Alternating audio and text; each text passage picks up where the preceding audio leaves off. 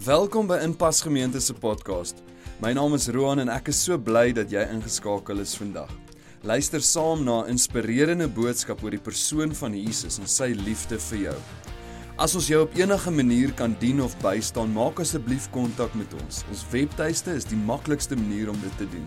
Gaan na inpas.org.za en vul die terugvoerstrokie in en ons reik uit na jou. As hierdie podcast 'n impak maak in jou persoonlike verhouding met Jesus, wil ons jou uitnooi om jou geloof prakties uit te leef. Jy kan dit doen deur vrygewig te gee sodat Inpas Gemeente die goeie nuus van Jesus kan verkondig. Kyk gerus op inpas.org.za hoe om 'n bydrae te maak. En nou, sit gerus terug en geniet die boodskap.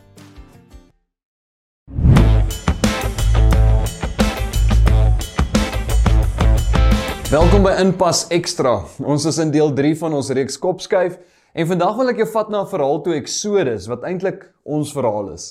Hulle bevind hulle self in in twee realiteite. Nee. Aan die een kant is hulle slawe van 'n gebroke wêreld, maar aan die ander kant lê God se beloftes in die beloofde land lê vir hulle voor. Ons almal weet hoe is dit om in die middel te leef van twee realiteite wat eintlik ewe waar is. Aan die een kant lewe ons in 'n gebroke wêreld En ons is nie ver af van af nie, oorloë en kragprobleme, maar dan aan die ander kant, die mooi, die lig in die donker, soveel mense in ons eie gemeente wat ten spyte van hulle eie tekorte uitreik na families wat siek is en vir hulle kos maak. Beide hierdie realiteite is waar, nê? 'n Gebroke wêreld terselfdertyd die mooi wat die Here mee besig is in mense se lewens. So die uitdaging vir ons vandag is is Waarop gaan ek en jy fokus? Dit is so maklik om behep te wees en gefokus te wees op alles wat sleg is en verkeerd is. Maar gaan ons fokus op wat sleg en verkeerd is of gaan ons ingestel wees op dit wat die Here deur ons en in ons en besig is om te doen? Nou Jesus het ook gelewe in hierdie spanning, nê? Nee? Die regering van die dag Rome voel voel 'n veer vir die Jode. Die Jode, die Joodse leiers is korrup 'n era waar die slegste en die korrupste mense aan bewind was.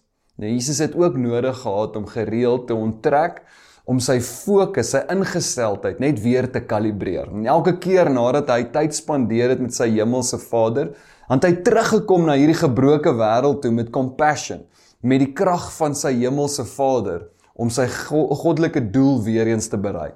Nou Paulus herinner ons ook in Filippense 4 vers 8 tot 9. Hy sê om ons gedagtes terug. Hy sê verder broers en susters, alles wat waar is, alles wat edel is, alles wat reg is, alles wat rein is, alles wat mooi is, alles wat prysenswaardig is, watter deeg of lofwaardige saak daar ook al mag wees, daarop moet julle julle gedagtes rig. Ek en jy moet ons denke rig.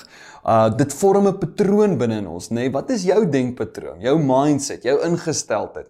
As jy besig om 'n denkpatroon te vorm deur deur die mooi en dit wat die Here mee besig is, of laat jy net toe om meegesleep te word deur alles wat verkeerd is en sleg en aaklig is, nê? Nee, dan gee hy vir ons hierdie belofte. Hy sê en God wat vrede gee, sal by julle wees. Hoor dit hoe mooi is hierdie belofte. As ek en jy kan dit regkry om te begin ons gedagtes te rig op dit wat positief is, dit wat die Here doen, dan gaan ons 'n enorme impak hê in die mense om ons, verskil maak in ons samelewing en ons gaan gefokus wees sodat ons oplossings raak sien terwyl ander mense net die probleme raak sien. Nou terug by ons verhaal in Eksodus. Ek dink die meeste van ons ken die agtergrond. Die Israeliete is slawe in Egipte. Hulle roep uit na die Here. Die Here stuur 'n klomp plaae en die Farao laat toe dat hulle dan nou uit Egipte uittrek, nê. Nee. Nou die Israeliete trek uit met 'n klomp goud in hulle rugsakke. Sê die Here maak dan hierdie see oop en hulle trek deur die see, die woestyn en die Here sorg vir hulle met manna en kwartels in die woestyn. Lei hulle met 'n wolk in die dag en 'n vuurkolom in die nag tot by die beloofde land. Nou selfs op pad na die beloofde land toe lewe hulle in hierdie spanning van hierdie twee realiteite. Elke dag sien hulle die wonderwerke, die kwartels, die manna en die vuurkolom, maar aan die ander kant ook die realiteit van die uitdagings wat hulle in die gesig staar in die woestyn, hè. Nou wat ek wil hê jy moet raak sien in hierdie verhaal vandag is is is hulle ingesteldheid, hulle denkpatroon, hulle mindset, nê, waarop hulle hulle gedagtes gerig het. Nou die geneigtheid van die Israeliete op pad na hulle bestemming toe is waarskynlik dieselfde geneigtheid wat ek beleef en die mensdom beleef. Nou dwars deur hierdie verhaal sien jy hoe hulle gedagtes en hulle woorde so gefokus was op wat die Here nie doen nie. Hulle hou aan om te kla. net oor die hindernisse en die uitdagings in plaas daarvan dat hulle die Here prys, nê, en en gefokus te wees op wat die Here reeds gedoen het, wat hy besig was om te doen en waantoe hy op pad is met hulle. Hulle is nou besig om uit te trek uit Egipte uit met al die silwer en goud in hulle rugsakke. Die Here het hulle verlos, maar dan raak hulle bang. Hoor net hulle denkpatroon in die woorde wat hulle gebruik. Eksodus 14 vers 11 tot 12 sê: Hulle het vir Moses gesê: Is daar nie 'n begraafplek in Egipte nie dat jy ons saamsleep om in die woestyn te sterwe? Wat het jy ons aangedoen dat jy ons uit Egipte laat trek het? Hoor net hoe kla hulle. Ons het jou mos in Egipte gesê om ons te laat staan dat ons vir die Egiptenare werk. Dis vir ons beter om vir hulle te werk as om hier in die woestyn om te kom. En sien jy waarop is hulle gefokus? Hulle sien nie dit wat die Here doen nie. Hulle sien net die hulle sien nie die goud in hulle rugsakke nie. Hulle sien nie die engel wat die Here gestuur het om hulle te beskerm nie. Die beloofde land wat die Here vir hulle voorlê nie. Nee, hulle sien net wat die Here nie doen nie. Maar die Here se genade is groot, nê? Ten spyte van die gekla en die gemoun, stuur die Here steeds 'n engel om hulle te beskerm teen die Egiptenare. En dan die groot wonderwerk waar die see oopgaan en hulle loop deur deur hierdie seebank. Maar net 'n paar dae later, dan kry hulle nou weer iets anders om oor te kla, nê. Die volk het by Moses gekla. Wat moet ons drink? Die water is bitter. Selfs al het die Here hierdie groot wonderwerke gedoen en hulle gered, het hulle steeds hierdie ingesteldheid om net te kla en te moan. En dis hulle fokus in plaas daarvan om die Here te prys. Wat is binne in my en jou hart as dit moeilik gaan? Is dit kla of is dit lofprysing? Weereens is die Here vir hulle genadig en Moses gooi 'n stuk hout in die water en en die water word soet en hulle kon dit drink. Weereens is daar hierdie wonderwerk. Maar dieselfde patroon bly net heeltyd by hierdie Israeliete waarop hulle gedagtes gerig is. Hulle bly net aan om te kla. 5 keer sien ons dit hoe hulle net kla en moan en hulle gedagtes vasgevang is in hierdie verkeerde denkpatrone, maar steeds bly die Here genadig en getrou en geduldig met hulle. Luister, die Here is nie onrealisties nie. Natuurlik is dit ook nie vir hom lekker as ek en jy deur moeilike goed gaan nie. En hy verwag nie dat as ek en jy deur moeilike goed gaan dat ons net moet naïef wees en ons kop in 'n gat druk nie. Filippense 4 vers 6 sê Paulus: "Wees oor niks besorg nie, maar laat julle begeertes in alles deur gebed en smeking met danksegging bekend word by God." So in plaas daarvan dat ek en jy kla oor die moeilike omstandighede, in plaas daarvan om te moan as dit taaf gaan, vat dit na die Here toe. Hoe doen ons dit? Deur danksegging en gebed, lofprysing en aanbidding, nê.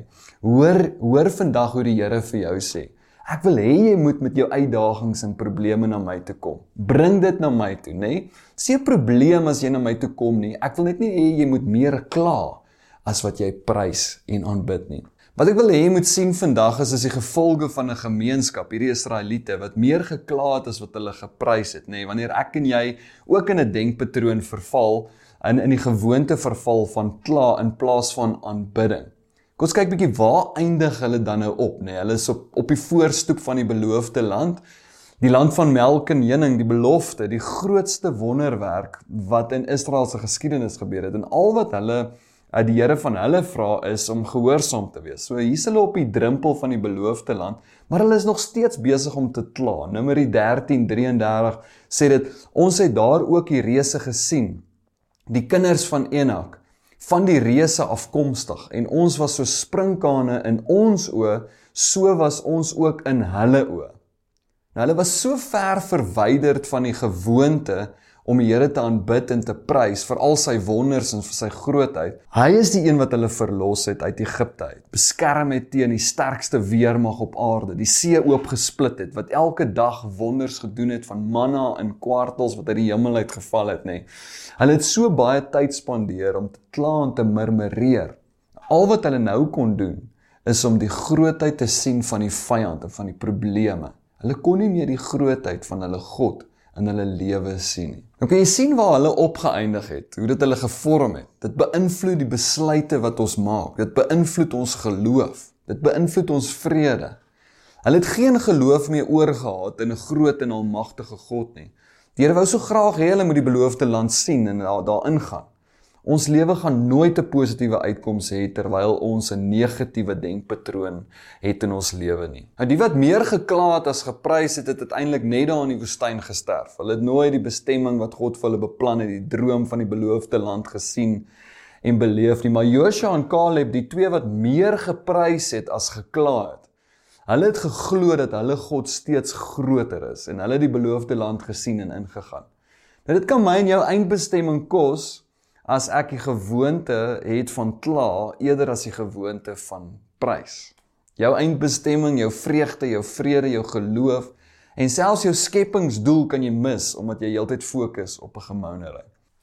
Die Joodse rabbies het hierdie gelykenis wat hulle oorvertel vir hulle kinders van Shuma en Bas, die twee Israeliete wat daai dag daar deur die Rooi See geloop het. Nou die doel van hierdie gelykenis of fabel altans is om ons ons geneigtheid te onderstreep. Ons almal se geneigtheid om meer te kla as om die Here te prys vir dit wat hy gedoen het in ons lewens, dit wat hy besig is om te doen en dit wat hy nog vir ons gaan doen.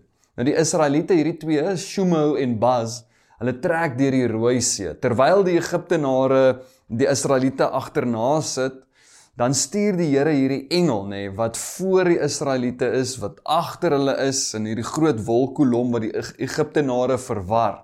Nou die wonderwerk is agter hulle. Die wonderwerk is hier langs hulle as jy dink aan die see wat oopgekloof is.